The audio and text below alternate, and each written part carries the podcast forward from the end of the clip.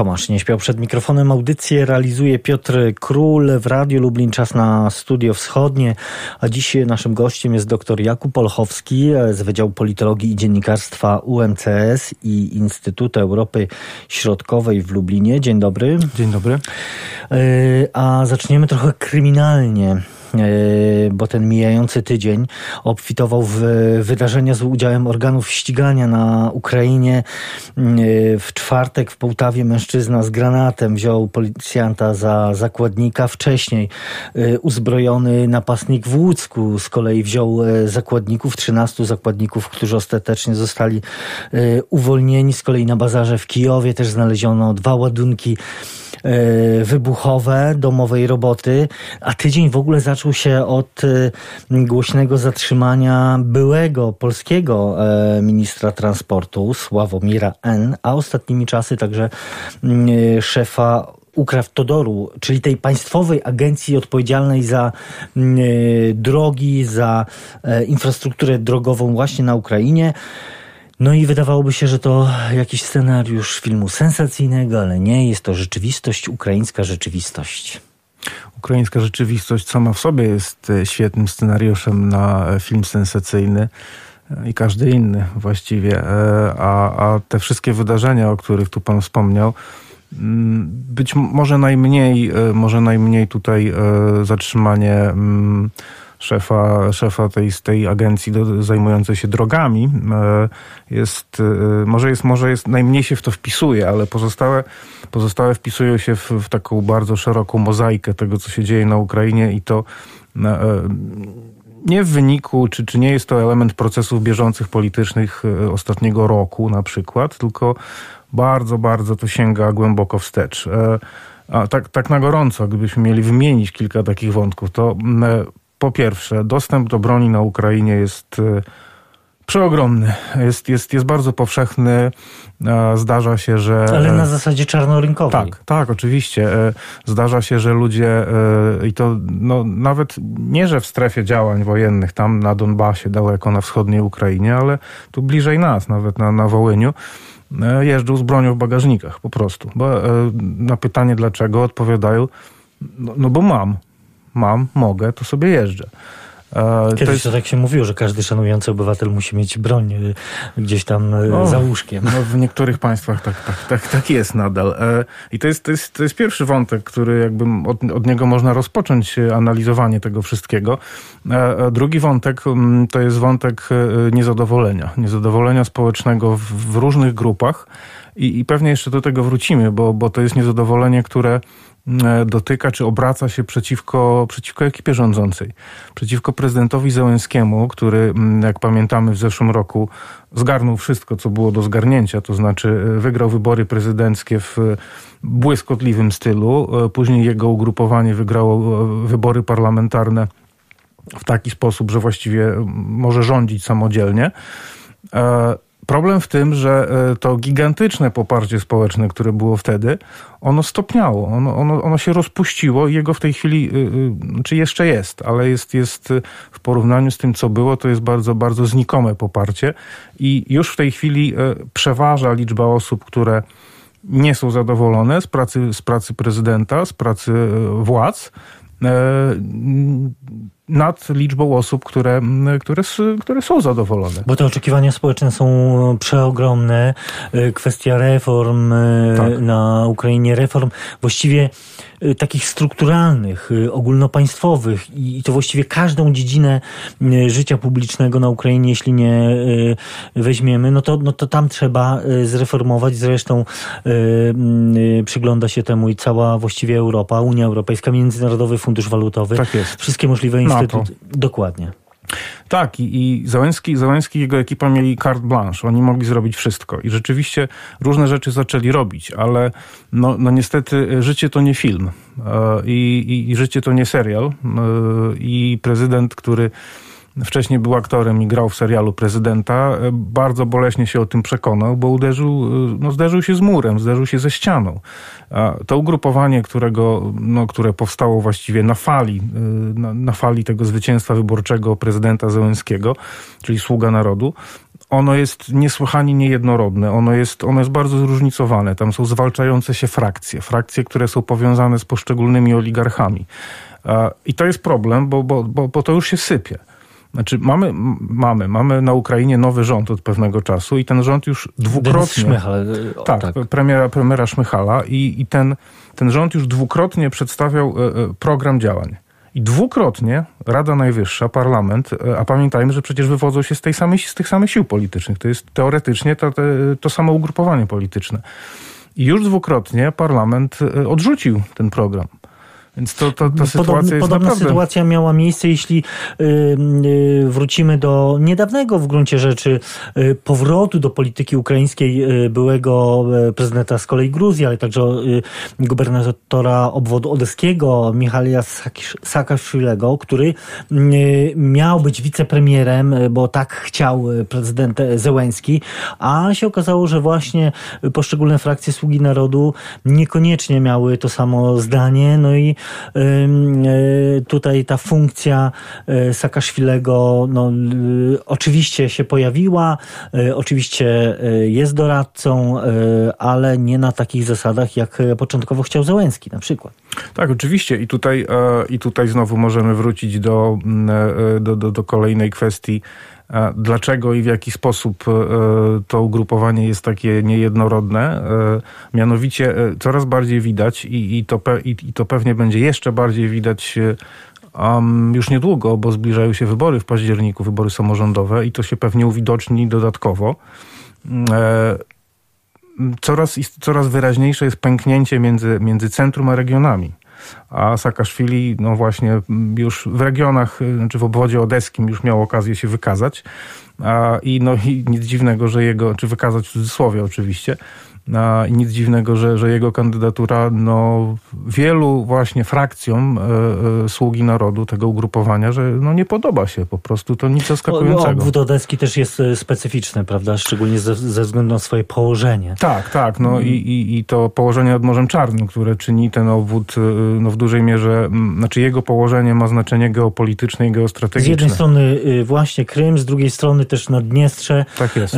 Więc, więc jakby ogrom problemów tam jest duży, no ale z drugiej strony mamy y, centrum kraju, y, Kijów, w którym rządzi Witalij Kliczko, no i to jest człowiek, który niespecjalnie podoba się y, prezydentowi Zełenskiemu. Oj, z wzajemnością, z wzajemnością zresztą. I to jest, a to jest, to jest kolejny, kolejna ciekawa historia, dlatego że mm, e, e, możemy zaobserwować e, właśnie kiedy się, kiedy się, kiedy patrzymy na te, te walki bulldogów na Ukrainie, możemy zaobserwować taki rodzący się, rodzący się sojusz merów, znaczy burmistrzów, mówiąc, mówiąc inaczej, dużych miast, którzy właśnie łączą siły w opozycji wobec centrum, wobec, znaczy centrum nie w sensie Kijowa, tylko centrum w sensie władz centralnych.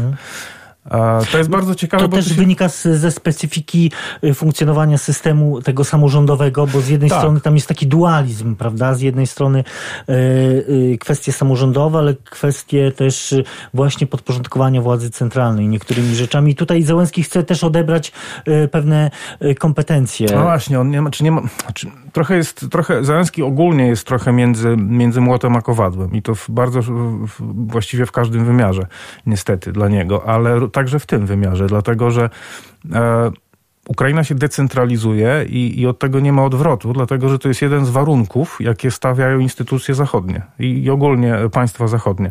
Albo będziecie bardziej zdecentralizowani, więcej uprawnień będą miały samorządy, czyli będzie więcej demokracji, mówiąc inaczej, no albo nie będziemy wam pomagać. Więc Załęski no, musi iść w tym kierunku, ale z drugiej strony no, te regiony i te, tak jak tutaj wspomnieliśmy, y, poszczególne metropolie, mm, wcale niekoniecznie y, go popierają.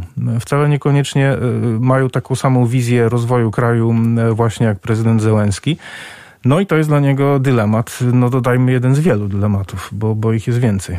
Ale chce ten dylemat w jakiś sposób prezydent Zełenski rozwiąza, rozwiązać, dlatego że no, mm, rzucił już kandydaturę w mm, właśnie partii Sługa Narodu. Iryna Wereszczuk ma stanąć w szranki z Witaliem Kliczko. Nie wiadomo, czy do tego dojdzie oczywiście, bo jeszcze do jesieni mamy sporo czasu, ale, ale ta kandydatura znanej e, działaczki, ona się też szeroko e, wypowiadała, komentuje także w polskich mediach ukraińską politykę. Czy prezydent Zełenski ma szansę, wysuwając taką kandydaturę, w jakiś sposób pokonać tego rywala w stolicy? No to jest na razie trochę wróżenie z fusów, dlatego że e, tak na dobrą sprawę i też przypomnijmy sobie, jak wyglądały wybory prezydenckie, parlamentarne ostatnie na, na Ukrainie. E, Sługa Narodu, znaczy, to znaczy to ugrupowanie Sługa Narodu, wygrało te wybory. E, Rok temu, czyli i to tak. było w przedterminowych wyborach, dodajmy, bo no, je chciał... Nawiasem mówiąc, koncepcja przedterminowych wyborów znowu się, znowu się pojawia e, w obliczu no, tych, mówiąc kolokwialnie, lecących na łeb na szyję notowań prezydenta i jego, jego ekipy. Ale właśnie, wracając do tych wyborów zeszłorocznych, Sługa Narodu, ugrupowanie Sługa Narodu wygrało te wybory w takim, e, no tak zdecydowanie, w przeważającej mierze dzięki wizerunkowi Zełańskiemu i na fali tego, tego zwycięstwa w wyborach, w wyborach prezydenckich. E, I wtedy do parlamentu, do Rady Najwyższej Ukrainy, e, w związku z tym no, takim trochę owczym pędem, powiedzmy sobie szczerze, dostali się przedziwni ludzie i przeróżni ludzie. Oni by się e, zapewne nigdy nie dostali do parlamentu, e, gdyby nie było takiego e, trochę społecznego uniesienia i ekscytacji Zełęskim i sługą narodu, etc.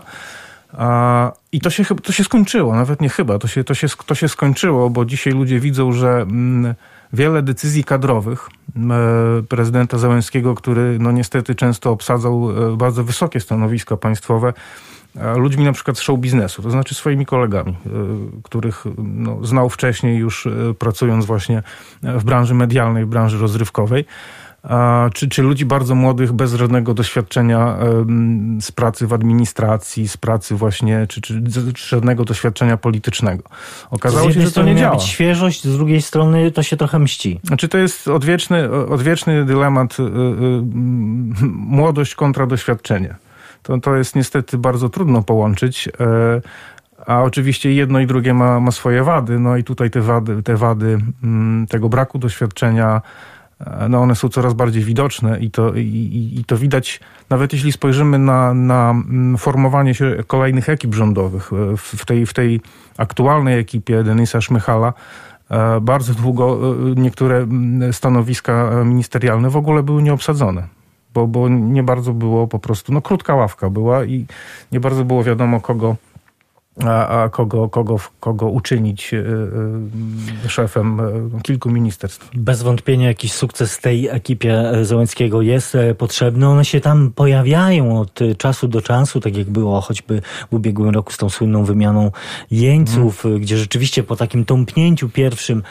sondażowym znowu okazało się, że Ukraińcy to zaufanie jednak tym zaufaniem darzą Zełęskiego. No pytanie, pytanie, pytanie jak te kolejne mm, trudne jednak sytuacje, także w obliczu y, epidemii mm, przełożą się na, na te jego poparcie i na sondaże. No to jest kolejny problem, dlatego że e, pamiętajmy, że znaczy Załęski jest, jest w tej chwili, właściwie jest od początku, e, jest zakładnikiem własnych obietnic. E, jedną z, jedną z podstawowych jedną z kluczowych obietnic, które składał w kampanii prezydenckiej, było zakończenie konfliktu na Donbasie.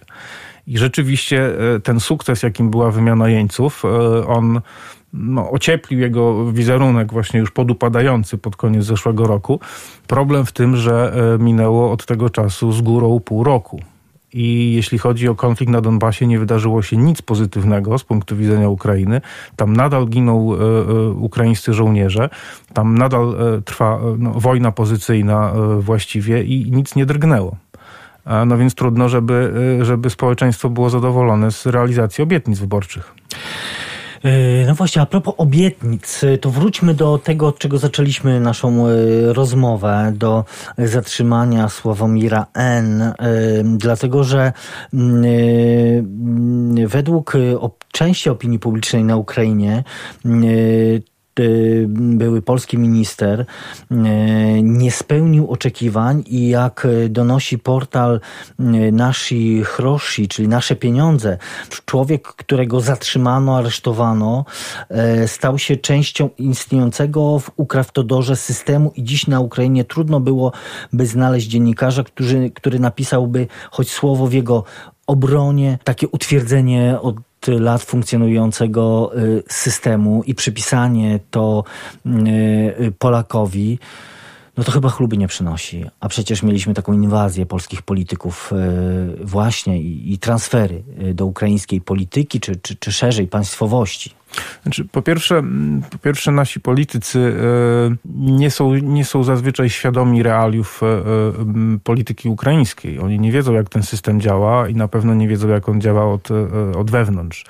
Oni się pojawiają z zewnątrz, a to czyni ich oczywiście bardzo podatnymi na wszelkiego rodzaju manipulacje i, i i wpływy płynące mm, z, z przeróżnych kierunków i, i, i, ze strony przeróżnych e, sił politycznych i sił e, biznesowych oczywiście, ale tutaj, e, no, co warto podkreślić, to jest oczywiście kwestia tego, tego systemu do tego, że on jest, on był i, i, i jeśli patrzymy na, na to, system co się dzieje... korupcyjny na Ukrainie tak. właściwie jest częścią systemu państwowego tak, i to tak, wiedzą tak. wszyscy, yy, właściwie wszyscy utrzymują e, pewien rodzaj fikcji.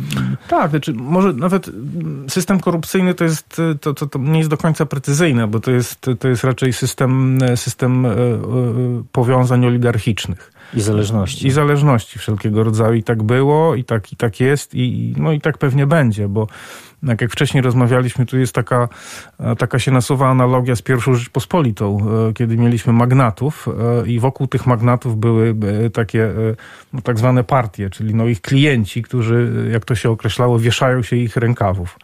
I w tej chwili na Ukra- ciągle na Ukrainie jest, tak to właśnie wygląda, że są, e, są, są ci magnaci e, i ci magnaci mają swoje, swoje koterie, swoje, swoje ugrupowania w, i te ugrupowania oczywiście sięgają, e, no bo jak żeby inaczej, instytucji państwowych. I prosty przykład, Rinat Achmetow ma, ma, ma większe wpływy w rządzie, Natomiast Ichor Kołomojski ma większe wpływy w, w, i w parlamencie. U prezydenta pewnie już teraz mniej, bo te ich relacje się Mm, się trochę ochłodziły po, po, po ostatnich e, decyzjach na, na przykład dotyczących węgla, czy, czy, czy, użycia węgla raczej ukraińskiego niż importowanego.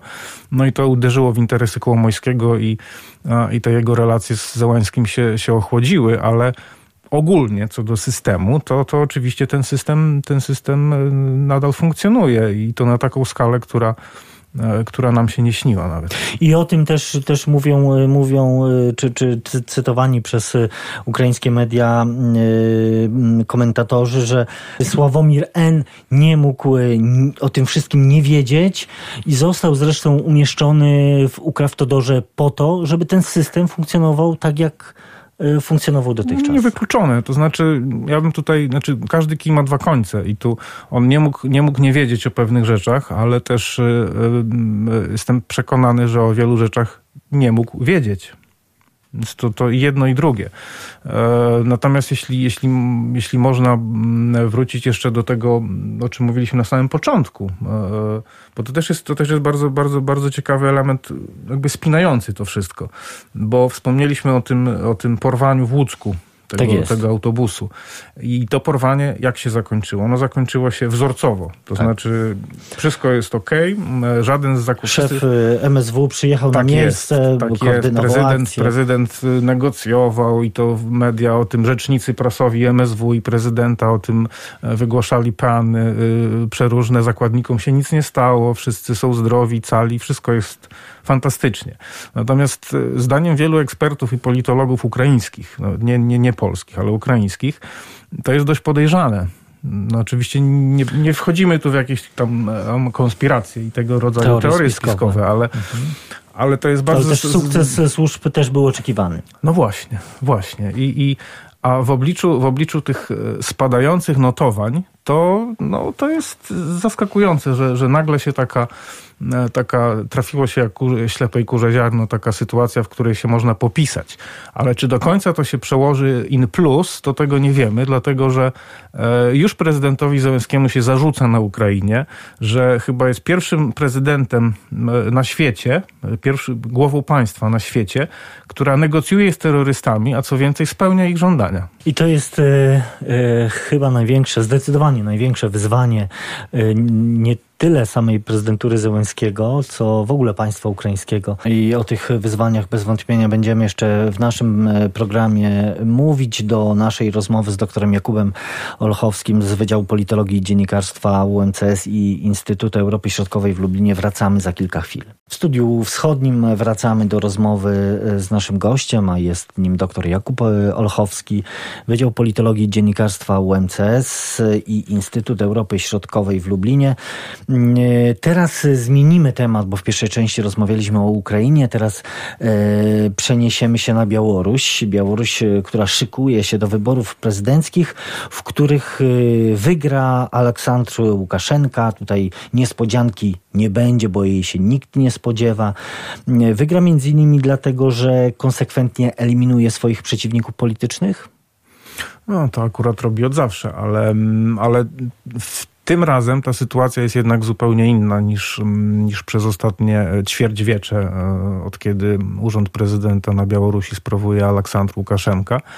Mm, e, dlatego, że teraz e, sytuacja na Białorusi jest i ciekawsza niż na Ukrainie, i bardziej złożona niż na Ukrainie, i niestety chyba z naszego polskiego punktu widzenia bardziej niepokojąca.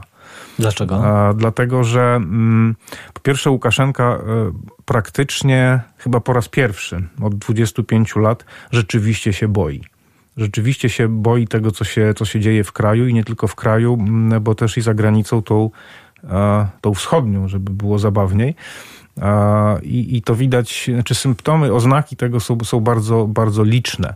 Nawet te doniesienia ostatnio o jego, stanie jego zdrowia, o tym, że trafił do szpitala, E, no one też są pewnym, nie wiemy czy one są prawdziwe w gruncie rzeczy. Były dementowane ale, przez no, no, no tak, źródło, e, tak, ale no tak czy owak, jeśli nawet się jeśli już się pojawiły i to jest ważny sygnał, że no, że coś się dzieje, coś się dzieje, a to jest też bardzo ciekawe, co podobno doprowadziło do, do tego pogorszenia stanu zdrowia prezydenta, bo nie tyle była to wizyta premiera Rosji, Michała Miszustina, co E, podobno wizyta Andrzeja, Andrzeja Babicza, czyli e, byłego ambasadora e, Rosji na Białorusi, który się bardzo nie lubi z prezydentem Łukaszenką i bardzo sobie panowie działają na nerwy.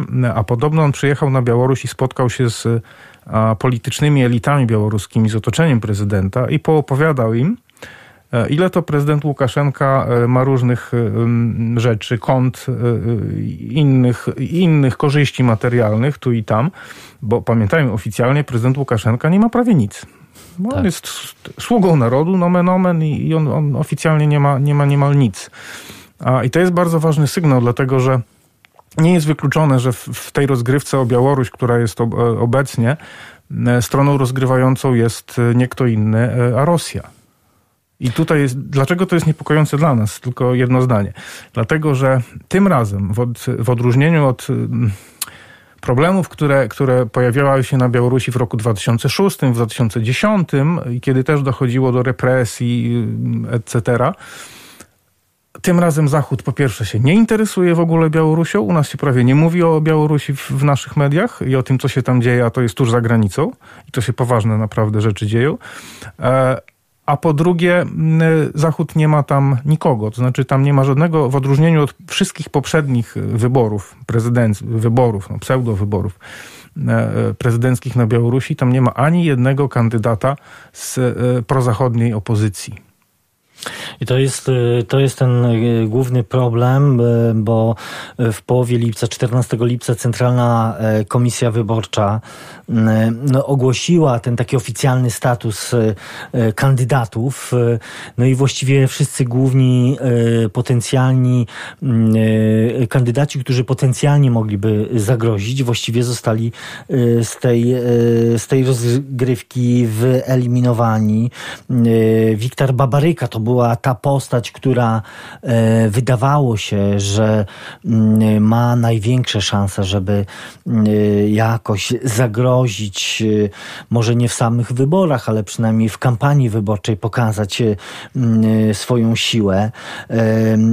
Walerii, jeszcze jest jeden, Walerii Capkała. Capkała. Tak, to jest, to jest także też z otoczenia swego czasu prezydenta Łukaszenki, bo przecież był dyplomatą. Dyrektorem Parku Wysokich Technologii w Mińsku, a to jest no, sztandarowa, no sztandarowe, jedno ze sztandarowych przedsięwzięć Białorusi ale tych e, kontrkandydatów potencjalnych szybko hmm. Łukaszenka wyeliminował. Jeszcze, jeszcze znany bloger Cichanowski, którego aresztowano dziś na głównego kontrkandydata prezydenta Łukaszenki wyrasta jego żona z kolei, ale chyba nie ma takiego potencjału, ani też charyzmy, chociaż sztaby właśnie tych wyeliminowanych kandydatów ją postanowiły wspierać. To jest, to jest bardzo ciekawe ciekawe, bo, bo, ale też nawiązując do tego, o czym przed chwilą mówiliśmy, e, obaj ci, ci kandydaci, którzy zostali wyeliminowani, czyli Babaryka i Cepkała, no zwróćmy uwagę, oni nie są związani z Zachodem, oni nic nie mówili o demokracji, o, o reformach, etc., o, o kursie euroatlantyckim i tak dalej. To są przedstawiciele nomenklatury. I, I co też się mówi na Białorusi, co, co obserwatorzy na Białorusi zauważają z, z pewnym przekąsem, że E, ludziom, którzy rzeczywiście, Białorusinom, którzy nigdy wcześniej e, nie byli tak zmobilizowani politycznie. To jest w pewnym sensie, to tu też z kolei są analogie do naszej Solidarności z początku lat 80.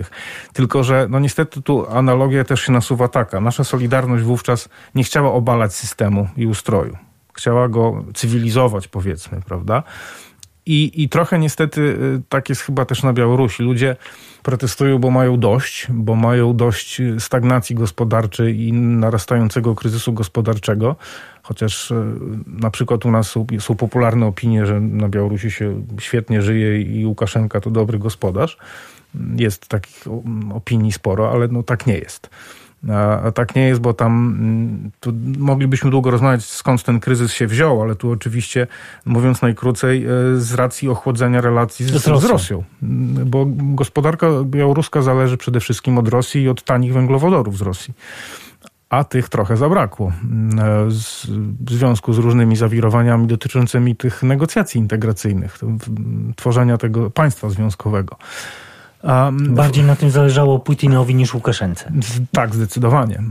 I Łukaszenka stał się chyba takim e, e, kandydatem niekoniecznie pożądanym z punktu widzenia Rosji.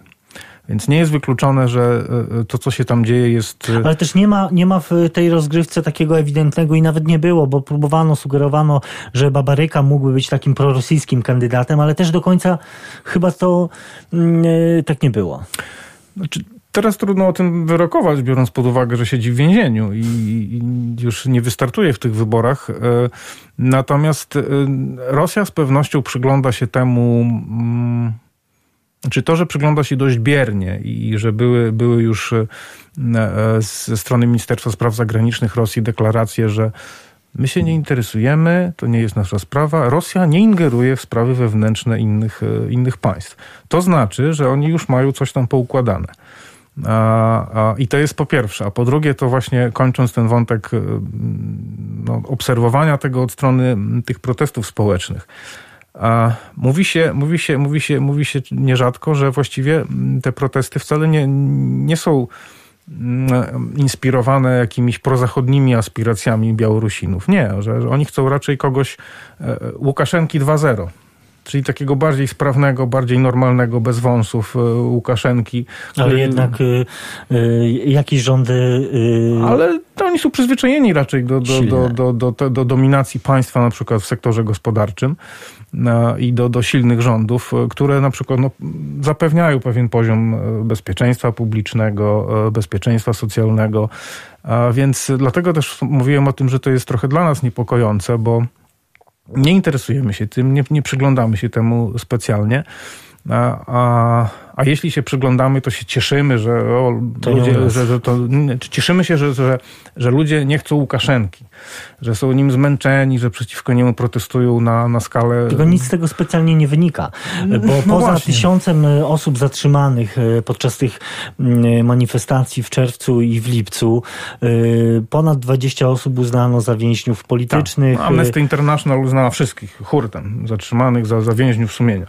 Tak, i, i mamy, mamy taką sytuację, że no właśnie, co, znaczy, co z tego może wyniknąć i, i czy Białoruś jest gotowa do zmian? Do zmian pewnie tak, ale niekoniecznie do zmian tak, jak my sobie je wyobrażamy.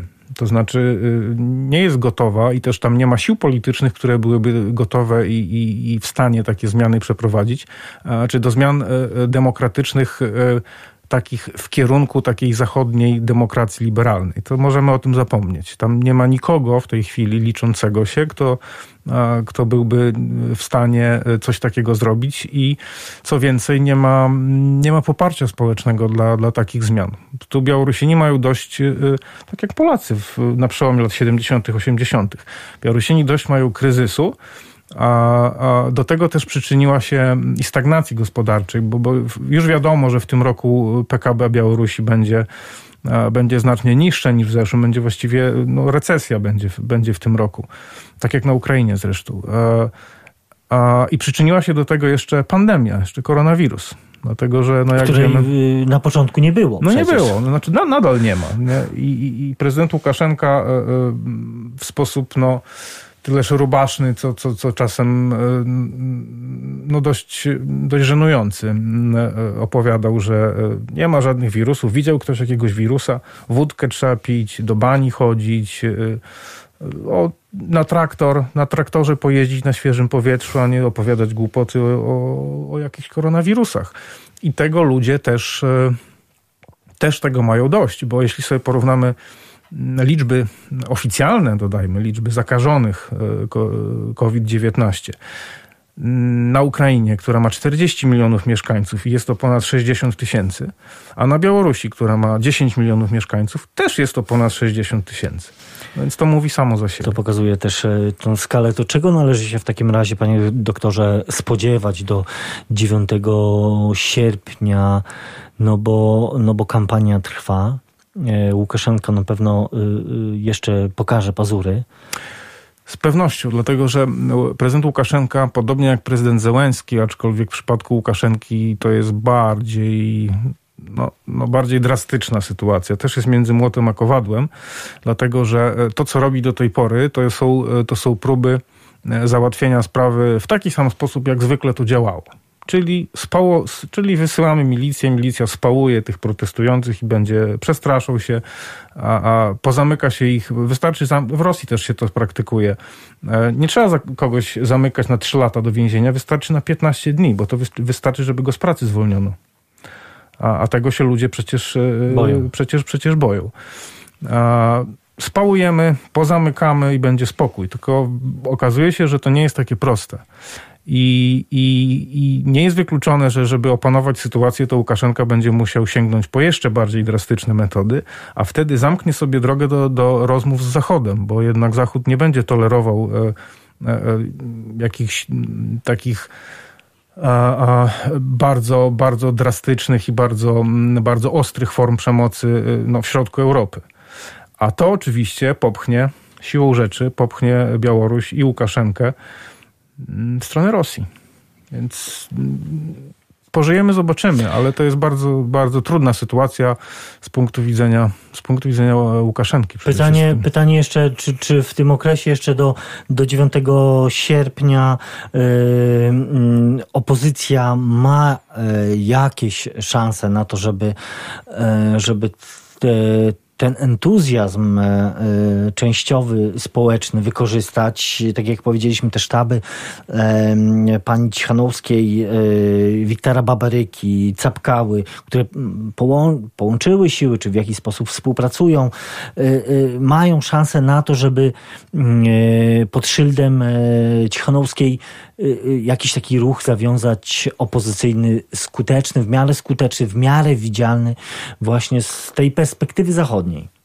No być może, być może nawet odkładając, odkładając na bok te, te wszystkie rozważania o powiązaniach i Babaryki, i Capkały, i Cichanowskiego również z Rosją, takie czy inne powiązania, to, to zwróćmy uwagę na bardzo specyficzną rzecz, mianowicie jakby twarzami tej obecnej opozycji są trzy kobiety. To jest e, szefowa sztabu Babaryki, to jest e, żona, żona Capkały i to jest żona Cichanowskiego, no, kandydatka Światłana Cichanowska, kandydatka na, na, na prezydenta Białorusi w tej chwili.